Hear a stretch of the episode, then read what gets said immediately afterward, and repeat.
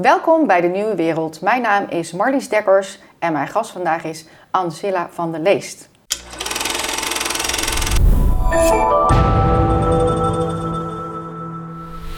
Hoi. Hi, ik spreek het goed uit? Zeker. Gelukkig. Uh, jij bent Nederlands producent, presentatrice, activiste en voormalig model. En je was Tweede Kamer, in de Tweede Kamerverkiezing 2017 lijsttrekker van de Piratenpartij. Ja, klopt. En wij Lang hebben, geleden lijkt het al. Lang geleden. en wij hebben een soort overlap eh, op gebied van nou ja, ja, mo- modelwerk, eh fetishwereld. ehm, Ja. en, en dus ons, ons, van een afstand is ons leven elkaar een paar keer gekruist. Maar we gaan het vandaag hebben over, niet over sexy ondergoed. Nee. eh, niet over eh, sexy vrouwen. Nee. Niet over hoge hakken. niet over zweepjes. Maar we gaan het hebben over tech. Ja, digitale rechten, ja. Nou, dat vind ik nog een mooier onderwerp. Ja, Al misschien denk, wel. Al denk ik dat we over die andere dingen ook nog kunnen Ja. kletsen. Maar... Maar misschien mooi toch om even in het kort jouw, eh, jouw geschiedenis te vertellen. Want dat is best opmerkelijk. En Ja. fascineert veel mensen die jou kennen. Maar ik denk toch ook dat best wel wat mensen jou nog niet kennen. Dus misschien toch even goed om te vertellen. Ja, nou ja, goed, als je mij googelt, dan kom je er al snel achter dat ik eh, een uitgebreid modellenverleden heb. Maar dat moeten we nou juist niet meer doen googelen. Maar Precies, daar gaan we het zo over gaan we hebben. het zo over hebben. Ja, Ehm, en eigenlijk op mijn achttiende ben ik, eh, ben ik mijn eigen website begonnen. Dus heb ik al snel mijn eerste stapjes gezet als, als internetondernemer. En eh, ja, mijn product was ik zelf toevallig. Want ja, ik was 18 en ik had helemaal niks. Dus ja, hè, dan, dan moet je een beetje innovatief zijn. Eh, voor een baas werken was ik al heel snel achter. Dat was niks voor mij. Dus eh, ik ben toen mijn eigen website begonnen. En eh, dat liep best goed. En ik heb toen tien jaar... En met modellenwerk of met... Ja, met modellenwerk. Ik ben begonnen als ja, Playboy Playmate. Dus wel een beetje in de sexy hoek, zeg maar. Maar ik had wel, wel zo snel iets van, nou, ik denk dat als ik hierin verder ga, dat ik wel echt de baas moet zijn over mijn eigen, mijn eigen producties, zeg maar. Ehm, dus dat heb ik gedaan. En ik, eh, ik ben een eigen website begonnen en ik werd toen We heel horen, snel... we horen je hond, hè? Die, is, Ja. die is hier. Die, als mensen denken, wat hoor ik nu voor gepiep? Is het. Maar die eh, blijft lekker bij jou. Ja. Ehm, en eh, ik kwam toen al heel snel ja, achter de prachtige voordelen die wij hebben met het internet. Maar, ook, maar ook wat nadelen. Eh, ook de keerzijde ervan. Dan kan je het hebben over privacy, over eh, ja, digitale rechten, dus copyright, eh, vrijheid van informatie. Eigenlijk alle dingen waar we vandaag de dag mee geconfronteerd worden, is iets waarvan ik dacht, destijds van, hmm, volgens mij hebben te weinig mensen door dat dit echt nog een heel ding wordt. Ik had het ook zeker niet door in die tijd. Dus eh, hoe kwam dat dat er bij jou dan een activist wakker ge- gemaakt werd en dacht van dit is best opmerkelijk? Nou, eh, destijds was, we hebben het over 2010. Toen begon dat online wereldje echt een beetje booming te worden. Ja. Ik zat een beetje in die Amsterdamse tech scene. En eigenlijk was iedereen heel erg uitgesproken positief en een soort van utopisch. Van nou, eh, het internet gaat Ik ons ook. allemaal rijk en gelukkig maken. En, ehm, en ik had toch zoiets van, volgens mij zien we iets over het hoofd. Iedereen had het over dat hij de nieuwe Steve Jobs ging worden en dit en dat. En op een of andere reden had ik toch zoiets van, eh, er zit ook een keerzijde aan. Ook omdat ik zelf ja, toch ook wel online eh lastiggevallen werd. En ehm, ook bijvoorbeeld eh, eh, informatie van mij werd online gezet zonder dat ik daar eigenlijk zelf eh, controle over had of zelf toestemming voor had gegeven. En ik dacht, ja, als, als dit bij mij gebeurt, dat, dat kwam heel hard aan bij mij. Het was heel pijnlijk. En ik begon me ook te beseffen van ja, als dit nou op grote schaal gebeurt, dan heeft dat best wel een grote impact op onze maatschappij. En dan, ik bedoel, is puur op gebied van eh, elkaar shamen via het internet? Of, eh, Ja, bijvoorbeeld. Ja, dus eh, heel veel bij, de, bij tieners zie je dat nu heel veel, dat er naakt selfies worden rondgestuurd. En we hebben natuurlijk ook gezien met bijvoorbeeld Patricia Pai en nog meer van dat soort mensen. Er was ooit ook een, een voetbalkeeper, volgens mij, waar ook zeer beschamende ja, video's van online zijn gekomen. En eh, ik weet niet of hij er ooit van is hersteld, maar het zijn wel heftige dingen. Heftige privézaken die online worden gestuurd, worden gedeeld. Eh, en anderzijds zie je dat er eh, door middel van Wikileaks bijvoorbeeld ook dingen naar buiten komen van de overheid, die eigenlijk mensen zouden moeten weten, die gewoon ja, tegen alle rechten en alle ethiek ingaat. Nou, vooral ook dat er zoveel mensen bijvoorbeeld worden afgeluisterd. Worden afgeluisterd, ja, dat is dan niet uh, Wikileaks. Wikileaks uh, de grote Wikileaks revelation was dat er eigenlijk onschuldige burgers met predator drones worden, ja, worden doodgeschoten. Um, maar ook journalisten. Ook journalisten. En dat, dat, dat is natuurlijk, ja, op zijn zachtst gezegd niet de bedoeling. En dankzij Snowden weten we inderdaad, eigenlijk via Bill Binney al in 2001, maar toen hadden veel mensen het nog niet door. Nou ja, in 2013 kwam er dan een herkan herkansing met Snowden, uh, die naar buiten kwam met informatie dat inderdaad de Amerikaanse overheid door middel van die grote techbedrijven waar we allemaal gebruik van maken, um, dat die niet alleen buitenlandse burgers bespioneert, maar uh, ook hun eigen burgers. En dat was iets waar veel Amerikanen wel echt van schrokken. Ja, maar we weten nu hoe, waar we staan nu met Snowden. Dat is nog niet heel erg opgeschoten. Dus ondanks dat hij dat naar buiten heeft gebracht, is hij zelf nu een target. Klopt, ja, hij is, uh, hij is gevlucht. En, ja. Uh, ja, we zijn hem zeer dankbaar voor de informatie, maar ja, bij alleen een Snowden Revelation zijn we er nog niet. Dus um, om een of andere reden is de urgentie of soort van de, de impact die dat kan, kan hebben, of, een overheid die massaal zijn eigen burgers bespioneert, die impact is nog niet helemaal ingedaald bij mensen. Nee, zeker niet. Maar bij jou, uh, ik vind jou echt een uh, mega early adapter op dit vlak. Hè? Want je was in 2012 had je aangesloten bij Bits of Freedom. Ja. en daarna werd je gevraagd door diverse partijen. Om, en toen ben je bij de Piratenpartij heb je aangesloten. Ja, klopt. Ja, Bits of Freedom is een burgerrechten, digitale burgerrechtenpartij. Is voortgekomen uit Access for All. En die waren er al best wel vroeg bij betreft het besef dat ja, bij uh, een digitale wereld ook digitale rechten komen kijken. Um, dus ik heb me bij hen aangesloten als een soort van uh, stage. Ben gaan aankloppen. Ik heb gezegd, nou, volgens mij kan ik wel wat marketingdingen voor jullie doen. Waarom interesseerde het je, interesseerde je, het je zo komende vanuit de wereld waar je, je kwam? Gewoon een natuurlijke interesse? Nou, ik had toen zelf al wat rechtszaken achter de rug. Dus toch wel echt de wat meer serieuzere kant van, van ondernemerschap, waar jij ook te maken mee hebt gehad. Copyright. Ja, ik heb ook heel wat rechtszaken gehad, maar nog nooit gedacht, ik ga me hier nou heel ernstig in verdiepen. Wat meer van, ik moet het fixen, maar niet van, ik ga helemaal in de materie verdiepen, zeg maar. Wat jij wel hebt gedaan en, en in een best vroeg stadium. Ja, ja, ik voelde me toch een beetje gedwongen daartoe. En uh, ik zag ook de maatschappelijke impact die uh, dit ging hebben, omdat ik hem zelf had gevoeld. En omdat ik zag dat dit een probleem was wat alleen maar groter ging worden. En waarvan uh, ik, ik vond het belangrijkste eigenlijk dat niemand het erover had. Niemand had het erover. En als ik wel op dat moment mensen op tv had gezien of op de radio had gehoord of in bladen had gelezen die het over dit onderwerp hadden, dan had ik gedacht van nou goed, mensen zijn ermee bezig, het zal wel loslopen. Maar ik zag niemand. Ik zag niemand Je die vond het, te stil? Het was hartstikke stil. Het was hartstikke stil. Niemand had dit door. Ja, een vijftal mensen of zo die daar dan over hadden. Die dan misschien alle vijf ook nog eens bij Bits of Freedom werkten. Ja, en als we dan, als we dan toch proberen te, ja. te, te pinpointen, wat hadden we niet door?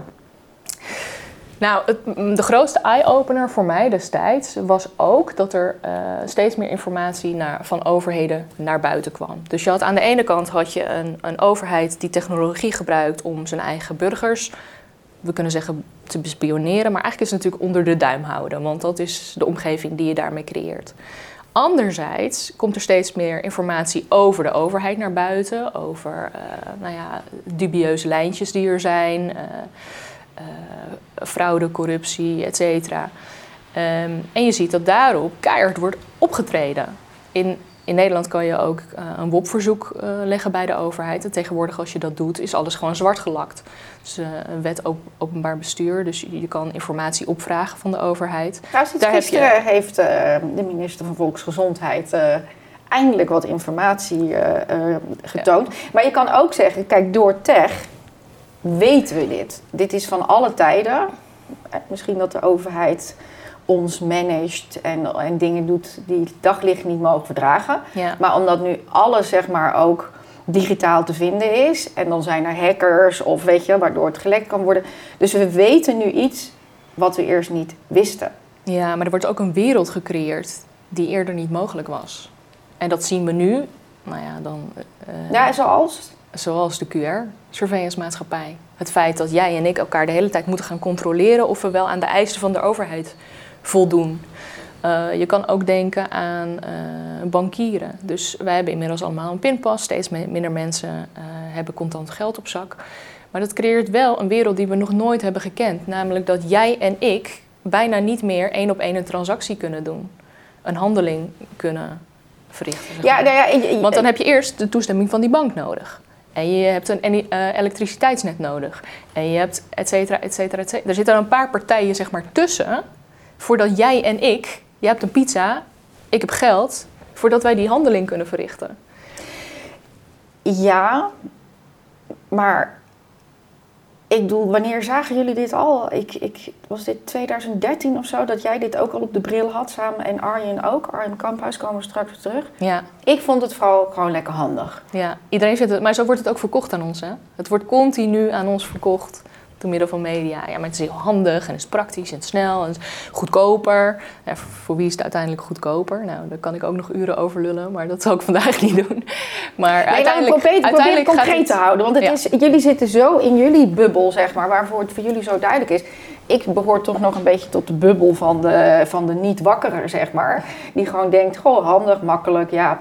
ja. En, en, en ik heb niks te verbergen. Ja, Um, het gaat om de toestemming. Tot nu de QR-code. Ja, het gaat dus om de toestemming. Het gaat om de toestemming. Om het feit dat er een derde partij tussen ons in zit die, uh, die ons uh, door hoepeltjes kan laten springen om toestemming te geven, zodat wij, een mens en een ander mens, een transactie kunnen plegen. En op het moment dat, er, uh, dat dat goed gaat, is het handig en praktisch. Ja. Maar omdat er mensen tussen zitten, kan het dus op het moment dat de verkeerde handen of de verkeerde doelstelling, ja. dan kan het dus in één keer helemaal misgaan. Ja. Dus dan kan in één keer gezegd worden, jij kan niet meer bij je geld. En als je gewoon cashgeld hebt uh, in je matras, dan kan niemand dat. Klopt. De fout die ik de afgelopen tien jaar een beetje heb gemaakt, is door om het altijd over de techhoek te hebben. Over wat er technologisch gezien mogelijk is en niet mogelijk is. En in uh, wat als het misgaat, et cetera, et cetera. Maar uiteindelijk komt het allemaal neer op psychologie psychologie. En iets wat de mensheid al honderden, duizenden jaren ehm, eh, mee worstelt, is uh, lust voor geld en macht. En ik zie hier een paar tools ontstaan die dat, uh, waarmee je heel snel heel veel geld en heel veel macht kunt toe-eigenen. Dus wij, wij leven tot nu toe, zeker Nederlanders, zeker na de Tweede Wereldoorlog, in een soort van utopie waarin wij denken dat iedereen altijd het beste met ons voor heeft. Ja. En er is ons nog nooit iets echt naars overkomen. Niet echt. Ja, die mensen van die toeslagaffaire. Maar ja, dat zijn maar die mensen, weet je wel. Het is nog niet helemaal ingedaald dat misschien niet altijd iedereen het beste met je voor heeft. En dat misschien onze tech overlords, dus uh, een Zuckerberg, uh, weet je, de, de, vijf, de, vijf, grote, weet je wel, Amazon, Google, Apple, uh, Microsoft, dat misschien die mensen hun drive is misschien wel macht en geld. En heel vaak zie je dat mensen die zo op deze manier naar de top drijven, dat die psychopathische trekjes hebben. Dus dat het hen niet zo heel veel interesseert als ze af en toe eens een keer over een lijk moeten gaan. Ja, maar die, die bedrijven die je noemt, hè, dat, je zou kunnen zeggen dat is marktwerking. Uh, maar dat is ze hebben dus blijkbaar een product die wij fijn vinden. Dat is het niet. Ja, oké. Dat is het niet. Want er wordt keihard gelobbyd, zowel op Europees niveau, uh, in Amerika ook door uh, Microsoft, uh, door Google, uh, om, om echt wel afspraken te maken met overheden, zodat zij, zodat zij toch een soort van monopolistische positie kunnen creëren. Um, en zeker Microsoft is daar in het verleden ook wel voor veroordeeld. Um, dus het is niet zo simpel als ja, maar het is een bedrijf en ze doen gewoon goed werk en het is een vrije markt, dus jij kunt die producten kopen. Zo simpel is het niet zeg maar die, die uh, Google laptops die nu massaal uh, klassen binnenkomen uh, op scholen. die komen er niet omdat de consument daarvoor heeft gekozen. Die komen daar omdat er lobbyisten van Google hun werk doen.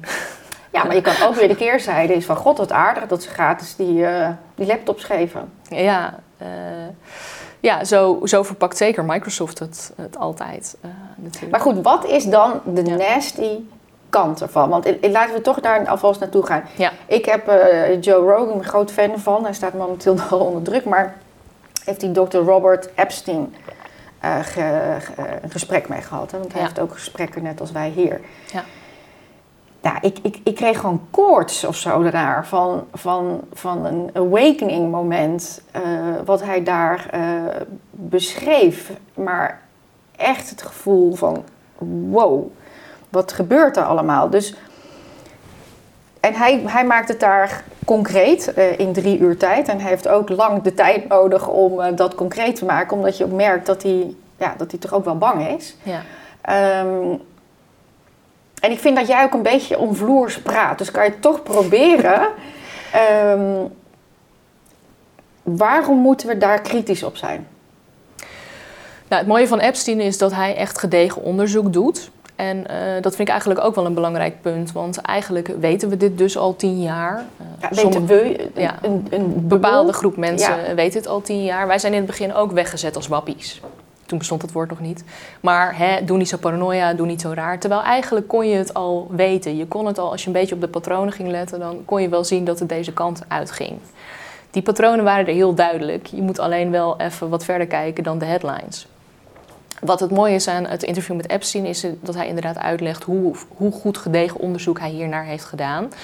En het meest ja, verontrustende eigenlijk is dat eh, alles er ook op wijst dat er die politieke lijnen ook zijn. Dus dat Google gewoon is niet een politiek neutraal instituut of zo. Ze hebben een heel duidelijke voorkeur voor een bepaalde kandidaat. En ze hebben ook de macht door middel van algoritmes om eh, de uitkomst van, eh, van verkiezingen te kunnen beïnvloeden. Maar ja, dat is natuurlijk wat Trump ook steeds heeft gezegd. Ja. Ehm, ja, ik, weet, ik, ik, en ieder mens kan dat niet beoordelen. Weet je wel, dat is, dat, ja, het zal wel de een zegt dit, de ander, de ander zegt dat. Ja. Maar Epstein geeft hele duidelijke voorbeelden. Wat ik ook heel grappig vind, hoe wij het gesprek begonnen, maar hij legt ook de link met dat hij zegt eigenlijk is Google een SM-machine. Ja. Ja, die ga ik niet uitleggen. Ik vond het wel grappig. Nou ja, omdat hij manipulatie. Ja. Dus hij pakt, nou vind ik SM niet per se alleen maar manipulatie, maar hij pakt die manipulatie eh, van eh, hoe Google eh, kan manipuleren. ja. Nou, in plaats van dat je dus hè, denkt gewoon, ja, ik, ik zoek, het is een hele handige, fijne bibliotheek. Ik denk dat ik dat werkelijk één keer per dag zeker denk. Dat ik denk, jezus, wat fijn, wat word ik toch wijzer. Anders had ik nu helemaal naar de bibliotheek moeten lopen. Ja. En nu kan ik het opzoeken. ja, Maar ik word daar gemanipuleerd. Zeker. En ik denk dat het nu En nog... light us. Ja. Waarom worden we gemanipuleerd? Omdat Google kiest wat jij te zien krijgt. En het is allemaal customized. Dus iedereen krijgt iets anders te zien op basis van het profiel wat zij van jou hebben. En ze weten heel veel van jou. Ja, maar ook dan kan ik denken handig, want ik hoef eh, die 10.000 boeken niet te zien en die 10.000 boeken niet te zien, want dit is mijn interesseveld. Ja, en uiteindelijk wordt het een Ministry of Truth. En als je 1985 hebt gelezen, dan weet je dat dat niet goed afloopt. Eh, en het is denk ik echt een kwestie van tijd. Nou ja, wat Epstein de hele tijd roept is, het is niet in de toekomst, het is nu, het is nu, het is nu, het is nu gaande. Nu, we zitten er middenin. Ja, want Joe Rogan vraagt steeds waar zitten we over 20 jaar? Hij zegt het is niet 20 jaar, we zitten er nu, in. Precies. En, en dat moeten we laten indalen, dat we nu worden we gemanipuleerd Ja. op hele grote schaal, Ja. zonder dat we het doorhebben. Ja, klopt. Ja, klopt.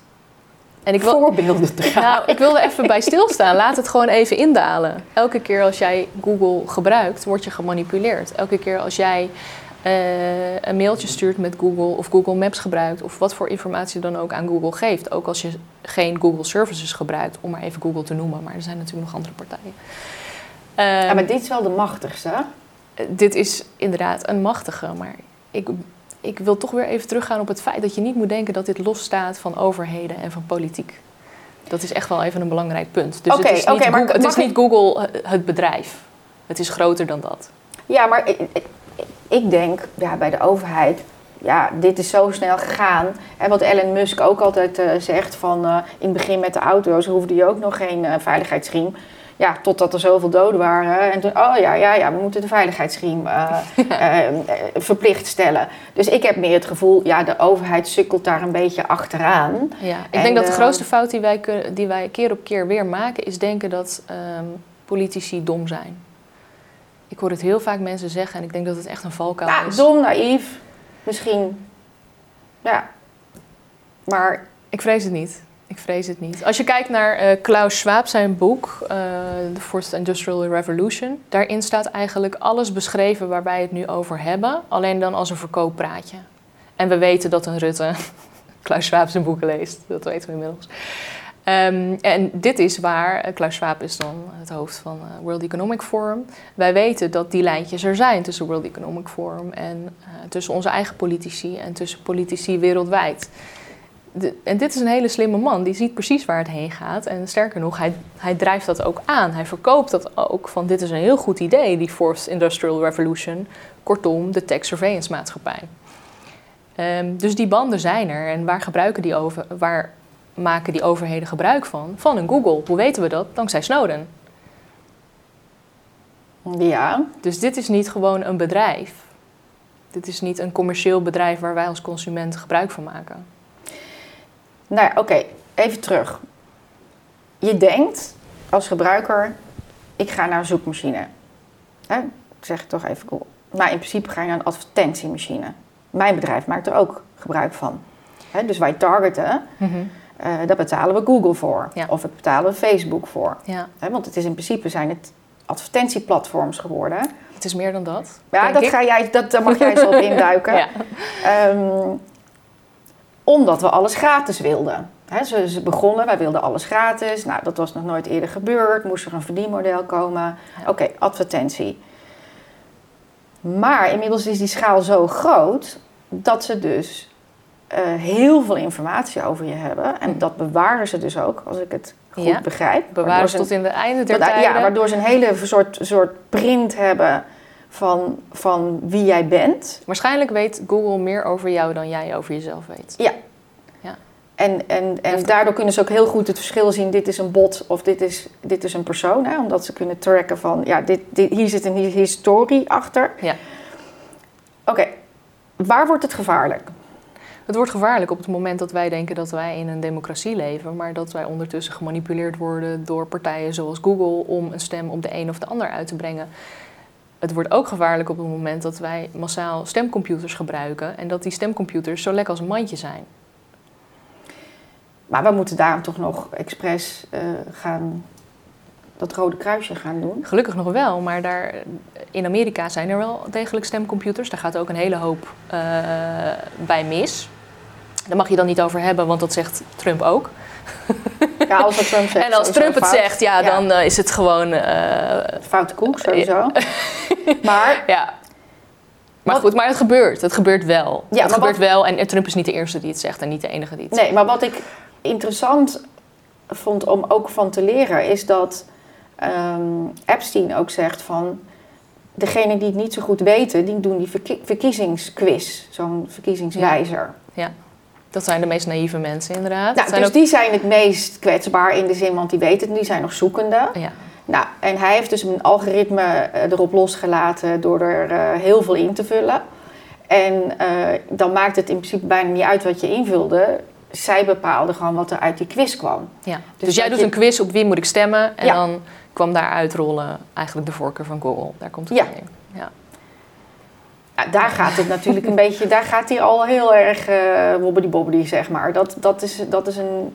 Ja, nou die, die vind ik dan nog vrij obvious en vrij één op één, zeg maar. Die is heel makkelijk. Ja. Maar ik denk dat het op veel, ook veel meer subtiele wijze uh, gebeurt. Simpelweg door jou bepaalde zoekresultaten wel of niet te laten zien over eender welke kandidaat. Of over eender welk onderwerp, bijvoorbeeld. Kan je toch ons even meenemen dan in een voorbeeld? Nou ja, als jij, uh, ik doe maar, ik noem maar wat, uh, immigratie, klimaatverandering, uh, technologische revolutie, weet ik veel. Je kan alles kan je intypen in een zoekmachine zoals Google. Daar vervolgens zoekt hij alle websites ter wereld af voor informatie daarover. Maar op het moment dat zij al een psychologisch profiel van jou hebben en ze wil je op bepaalde ideeën brengen, uh, waarschijnlijk hebben ze ook uh, in kaart wat jouw IQ is bijvoorbeeld, dus hoe subtiel ze je moeten bewerken, zeg maar, met hun zoekresultaten. Zij kiezen natuurlijk volledig, ze hebben volledige controle wat er op de eerste pagina komt en wat er op de tweede pagina komt en wat er tot de vijftigste pagina, misschien wel verder. Uh, zij weten ook precies al of jij iemand bent die op de eerste pagina kijkt of op de twintigste pagina. Dat hebben ze ook allemaal in kaart. Er is niks wat jij kan doen om, om zeg maar, die informatie op een zuivere manier tot jou te nemen, op een neutrale wijze. Er is niet meer zoiets als neutrale informatie, beschikbaarheid daarvan. Dus je, als je zou willen pluggen, CO2 is heel slecht. Uh, en daarom zitten we met een, uh, zo'n groot uh, klimaatprobleem. -hmm. Dan kunnen zij, als zij dat vinden, dan kunnen ze dat zorgen dat het altijd op de eerste pagina komt. En dan op een gegeven moment zijn we met z'n allen gemanipuleerd. En dat we denken, CO2 is heel slecht voor het milieu. Bijvoorbeeld, als jij een politieke kandidaat he hebt en je wil graag dat die verkozen wordt door het volk op, in een democratisch proces. Die kandidaat heeft, nou vaak hebben ze niet meer dan vijf talking points dan zorg jij dat de komende maanden, elke keer als jij iets googelt, dat weer diezelfde talking points langskomen. Ja, ja en, en Epstein die zegt ook, hij zegt uh, heel nadrukkelijk zelf uh, een aantal keer dat hij uh, een democrat is. Ja. Hij was altijd voor, de, voor Hillary Clinton, Hillary, totdat zij hem publiekelijk op Twitter ging afvakkelen dat hij fake, ja, fake news aan het verspreiden was eigenlijk. Ja. Maar hij maakt zich dus grote zorgen, omdat hij zegt eigenlijk al die founders, leiders van dit soort grote techbedrijven ja. zijn allemaal democrats, zijn allemaal links georiënteerd, soms zelfs een beetje tegen woke-achtig aan, hè, wat, hij, uh, wat hij ook suggereert. Ja, dat zegt hij over Google, inderdaad. Over, ja, over Google. Ja, ik dacht ook over Facebook, want dan zegt Joe Rogan ook van, dan verwijst hij naar die papers daarvan. Maar goed, doet er niet zo toe. Maar in ieder geval, dat er dus met met die denkwijze een AI uh, eh, weer gemanipuleerd wordt en iedere keer bijgeëngineerd wordt. Zodat op die manier uh, er een, ja, een democratie gebouwd kan worden, wat niet meer beide kanten laat zien, maar de smaak zeg maar van de founder. Ja. Ja, wij denken en wij dachten natuurlijk, als we altijd denken dat komt natuurlijk het kwaad komt van rechts. Het verwarrende is natuurlijk nu, tenminste dat vind ik dat Epstein zelf daarover in de war is, zo van het kwaad lijkt nu van links te komen. Ja, waar ik mij met de Piratenpartij wel hard voor heb gemaakt, en helaas eh, is dat niet helemaal uit de verf gekomen, is dat we echt verder moeten kijken dan links of rechts. Het zijn zulke achterhaalde begrippen, het zijn zulke polariserende begrippen. En er zitten altijd kernen van waarheid bij links en er zitten altijd kernen van waarheden, van waarheden bij rechts.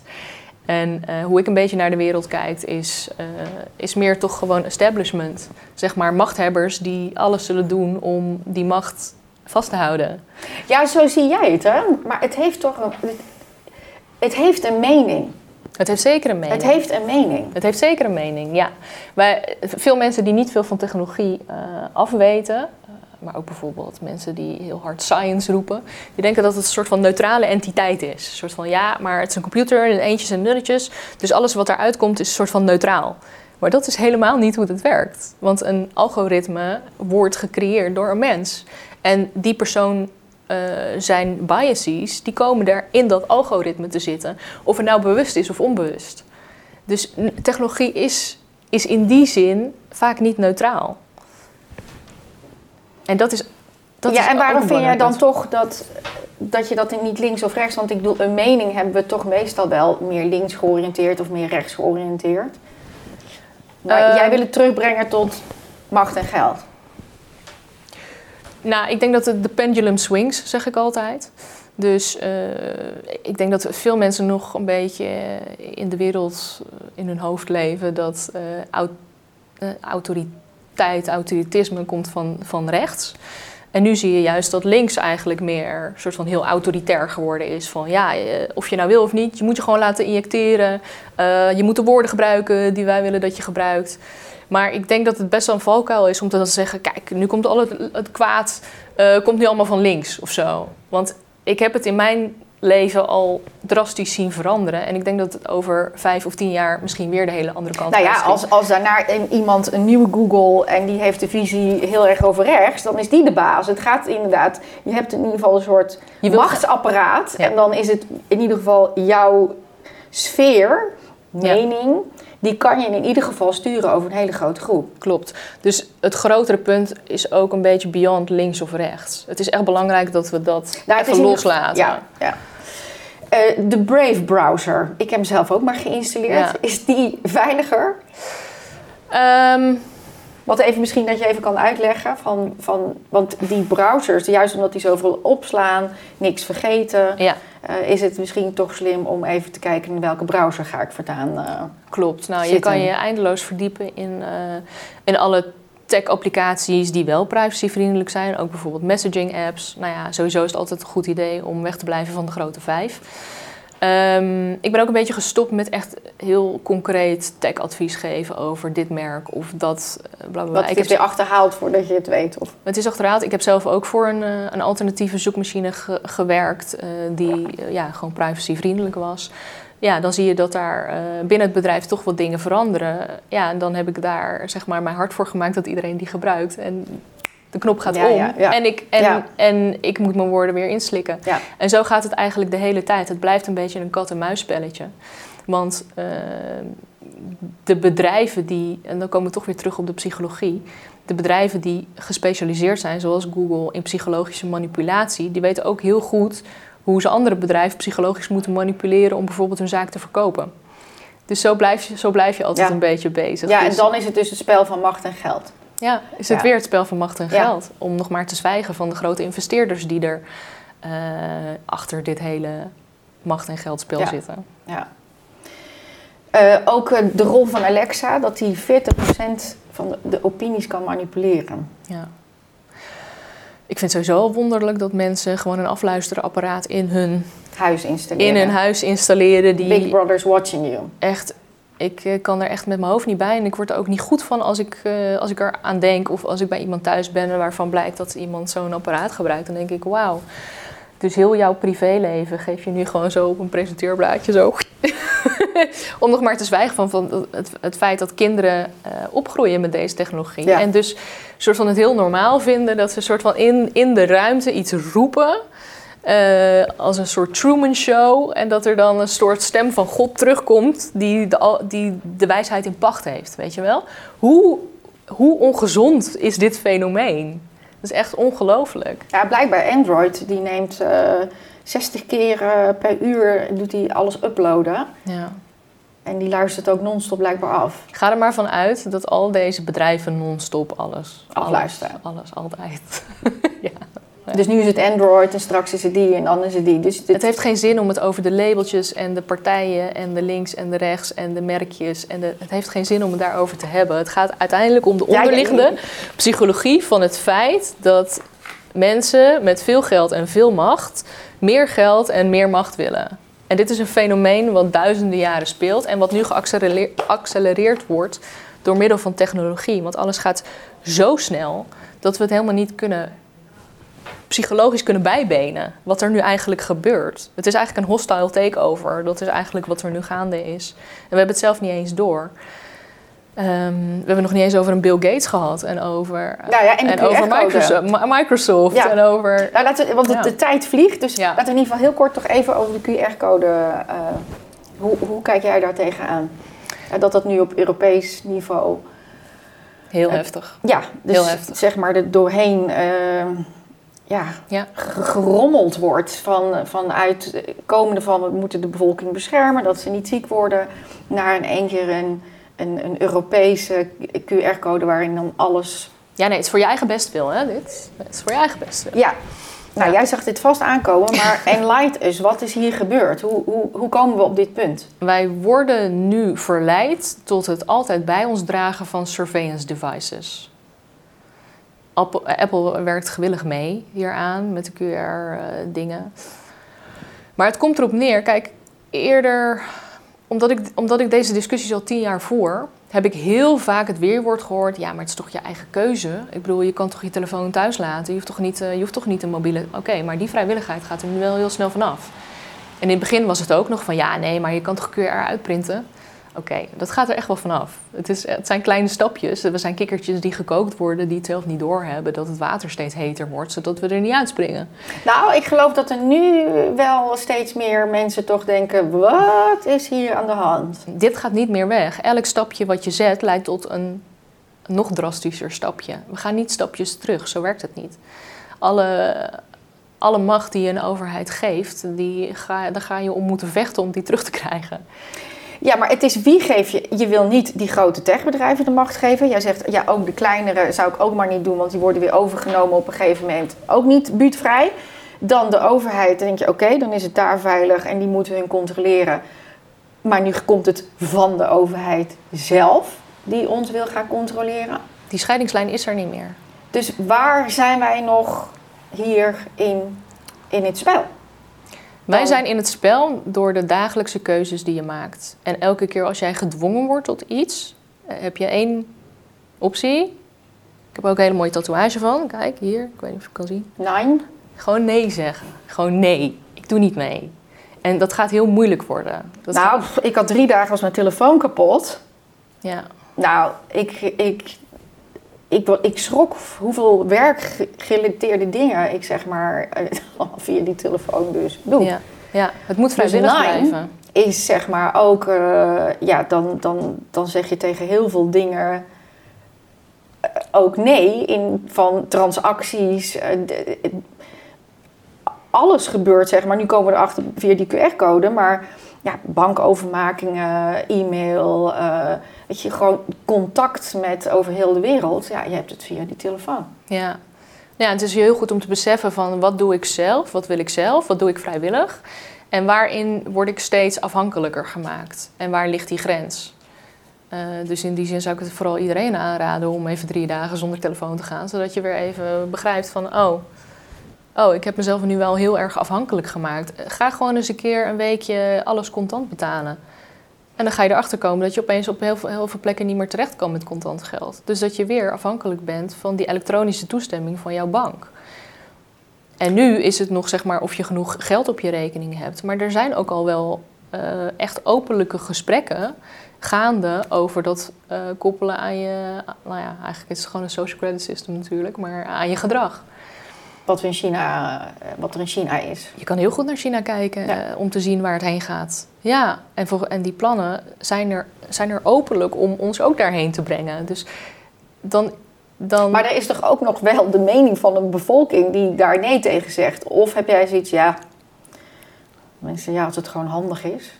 Ja, eerst is dus die bewustzijn nodig. Dat bewustzijn dat dit niet allemaal tot goede dingen gaat leiden niet alleen maar tot goede dingen. Ik denk dat, dat de utopische tijd nu wel echt aan zijn eind komt qua technologie. We hebben er een tijd lang prachtig van genoten. Vrij internet, je kon alles opzoeken wat je wou, je kon alles zeggen wat je wou, gratis, et cetera, et cetera. Uh, die tijd komt nu wel echt aan zijn eind. Je kan niet meer alles zeggen op het internet. Je kan niet meer alles opzoeken op het internet. Uh, die vrijblijvende iPhone in je zak begint opeens een stuk minder vrijblijvend te worden. Ja, op straffen van de overheid, zeg maar. Dus we gaan nu echt een, een tijd in waarbij die tech-utopie niet uitkomt. Het wordt eerder een tech-dystopie. De Fourth Industrial Revolution, zoals Klaus Schwab het uh, zo mooi verkoopt. Ja. En ik denk dat het aan de burger is om na te denken over... oké, wat is mijn rol hierin en willen we, willen we dit? Wil ik dit? Wil ik dit voor mijn kinderen? Wil ik dit voor mijn kleinkinderen? Want inderdaad, we zitten er middenin, maar trek het nog even twintig jaar in de toekomst. En bedenk even hoe dat eruit ziet voor jouw kids. Uh, vervolgens, als je dat niet wil, dan begint het bij nee zeggen. En dan begint het ook met de discussies aangaan. Uh, bijvoorbeeld, uh, uh, studenten worden massaal gedwongen tot Google services. Uh, nou ja, mijn vriend Arjen Kamphuis heeft, er, heeft daar uh, flinke discussies over gevoerd destijds met... Nou, laten we er heel even, want we zitten bijna op het eind. Maar ja. je wilde heel graag het hier nog ook over hebben. Je, Arjen Kamphuis, Kamphuis ja. een goede vriend van jou. Ja. ik heb London Real interview van hem bekeken in 2014. Nou, ik moet zeggen... ga dat kijken hij noemt, benoemt eigenlijk alles al. Ja. Dus in 2014 benoemt hij alles al waar we nu in zitten. Ja. En hij is niet meer. Uh, nou ja, dat weten we niet. Hij is in ieder geval verdwenen uh, tijdens een vakantie in Noorwegen. En we weten nog steeds niet wat er is gebeurd. De politie zegt dat hij overleden is met een kajakongeluk. Nou ja, wij zien daar, wij, met wij bedoel ik, zijn vrienden en ik zien daar geen aanleiding voor om dat zo overtuigend over te nemen. Um, nou ja, hij heeft heel veel mooie artikelen geschreven. Hij heeft ons met heel veel, uh, heel veel waardevolle informatie uh, en zijn ideeën achtergelaten. Daar hebben wij een boek van gebundeld. Ja, Info Security. Info Security Grand Knows Why. Uh, grappig genoeg is dit dus, die Grand Knows Why is een referentie naar de Tweede Wereldoorlog. Waarin dus informatie, gevoelige informatie, bijvoorbeeld over religie, ja, onder het mom van handig werd verzameld. Uh, en vervolgens ja, uh, natuurlijk op afschuwelijke wijze is misbruikt. Uh, daar schrijft Arjen Kamphuis ook over in zijn artikelen, ook in het boek. Dat zijn oma het wel snapt waarom bepaalde informatie over onschuldige burgers gewoon nou eenmaal gevoelig ligt. Um, en destijds kon je dat nog zeggen. Tegenwoordig mag je geen enkele referentie meer maken naar wat er ook in de geschiedenis is gebeurd qua misbruik van informatie van burgers. Uh, maar goed, ik denk dat het belangrijk genoeg is. Uh, een heel belangrijk boek. Een heel belangrijk boek met heel belangrijke visie en ideeën erin. Ja, ja en hij zei in 2014 uh, bijvoorbeeld ook al van... pas op, want ze vallen eigenlijk onder geen één wet, onder geen restrictie, dus ook geen enkele controle. Ja, ik heb wel eens ja, gesproken met mensen die hoog in de boom zitten met, bij Amazon. En ik kan wel merken dat zij gewoon ervan overtuigd zijn dat zij de nieuwe staat zijn. Zij zijn de nieuwe staat. Zij zijn de nieuwe overheid. Dat, dat geloven zij. Ja. En ik weet niet op basis van welke informatie, maar ik ga Hij zei dit dus al in 2014. Dus ja. Ja. toen moest het, het echte grote groeien nog... Uh, Klopt. Nog, uh... Klopt, maar hij is er wel ook dichtbij geweest hoe dat destijds is gegaan. Want bijvoorbeeld Microsoft, we hebben het nu over Google en over Apple. Dat zijn relatief nieuwe bedrijven. Maar Microsoft deed al had al hele smerige praktijken in de jaren negentig. Um, Nog even als laatste, uh, noem, noem, noem er eens één. Uh, nou ja, concurrentiebeding. Dus zij hebben het concurrentie uh, gewoon onmogelijk gemaakt, waardoor zij nu een soort van alleenheerser zijn in de corporate wereld. Er is geen enkel bedrijf wat nog kan runnen zonder, zonder Microsoft en uh, zonder Windows. Dat, dat gaat gewoon niet. Elk, af, elk bedrijf heeft zich compleet afhankelijk gemaakt van, van Windows. ze hebben ook bijvoorbeeld LinkedIn is een service, daar zit iedereen nu zijn hele cv op. Uh, ja, maar ook naartoe gevoegd, zag ik, op LinkedIn. Ja. Ja, super handig. Ja, uh, netwerken. Ja, maar op het moment dat dus een Microsoft of uh, nou ja, goed, de eigenaar van, van LinkedIn besluit dat jij geen baan meer mag, is het natuurlijk wel heel makkelijk om jou gewoon van dat, of bijvoorbeeld dat je geen kritiek mag uiten op de bezigheden van de eigenaar van Microsoft, Bill Gates. Dan ja, maar dan zet ze gewoon de knop uit en dan besta je niet meer. Weet ik, maar daar waarschuwden jullie dus al heel lang voor. Alleen, het gebeurde niet. Dus het werd zeg maar niet bevestigd. En de afgelopen jaar, anderhalf jaar... Ja. Hè, dus ook, uh, ook hier er zijn, zijn van YouTube een aantal um, uh, gesprekken verwijderd. Ja. Um, nou, we zien wat er nu bij Joe Rogan uh, aan de hand is. Maar dat is ook de publieke opinie die dus meegaat.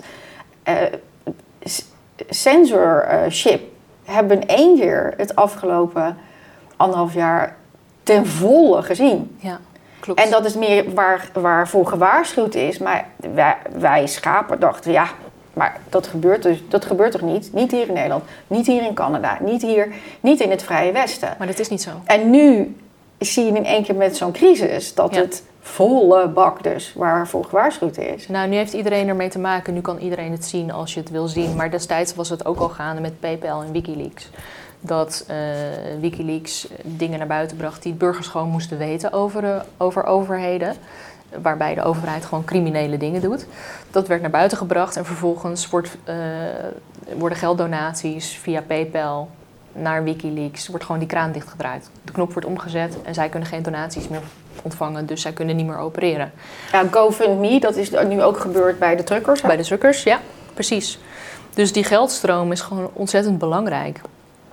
Uh, en dat, dat, dat kon je al een beetje zien gebeuren ook tien jaar geleden. Alleen, ja, um, hadden de meeste mensen er niet direct mee te maken. En dan, dan lezen ze iets over Wikileaks, Rusland. Ja, ik, weet het allemaal niet, maar ik heb er een naar gevoel bij. Het zal allemaal wel foute boel zijn of zo. En zich gewoon niet beseffende hoe waanzinnig belangrijk het is wat hier gaande is. En dat dit zo'n precedent schept voor waar wij heen gaan met z'n allen. Dat we niet meer, zeg maar, het mogen zien als onze overheid gewoon zwaar criminele dingen doet. En dat je dan gewoon wordt gestraft als je dat naar buiten brengt. Ja, het, het, het, het wordt gecensureerd. Nee, je wordt ook echt gestraft. Ik bedoel, uh, Assange zit hartstikke gevangen Ja. om, om wat? Om niks. Oh, echt om niks. Ja, journalistiek werk zou je kunnen noemen. Ja, zogenaamde verkrachting, eh, MeToo, wordt keihard ook geweaponized. Als jij iets zegt eh, wat niet welvallig is, ik heb al een paar mensen eh, ja, gehakt van gemaakt zien worden, zeg maar, op die wijze. Oké, nou afsluitend. Ja. Koop het boek. Koop het boek. Grand Knows Why. Je hebt het bij mij ook flink geklucht. Dus mooi zo, mooi zo. Ja, we zijn er ontzettend trots op, want het is echt een mooi boek. En Arjen Kamphuis is gewoon ontzettend belangrijk eh, figuur. In mei komt er een documentaire serie van hem uit. Bij Videoland. Bij Videoland. Er zijn ook allemaal mooie foto's in van zijn jeugd. Ja. Heel mooi. Ja, een heel, Dus, eh, heel, heel bijzonder persoon. Dat, dat, eh, dat, dat, dat merkte ik aan alles. En heel vooruitzienend. En, ehm, en ik vond ook dat hij ook zo waarschuwt van... Maar wat als dit in verkeerde handen komt? Maar Het is al in verkeerde Het is al, het is al in verkeerde handen. het, ja, het, het, dat is natuurlijk wat Epstein ook zegt. Het is al zover. Het gebeurt nu. Het gebeurt nu. Het is gaande. Ja. Ja. Ontzettend bedankt voor het gesprek. Heel erg graag gedaan. Dankjewel.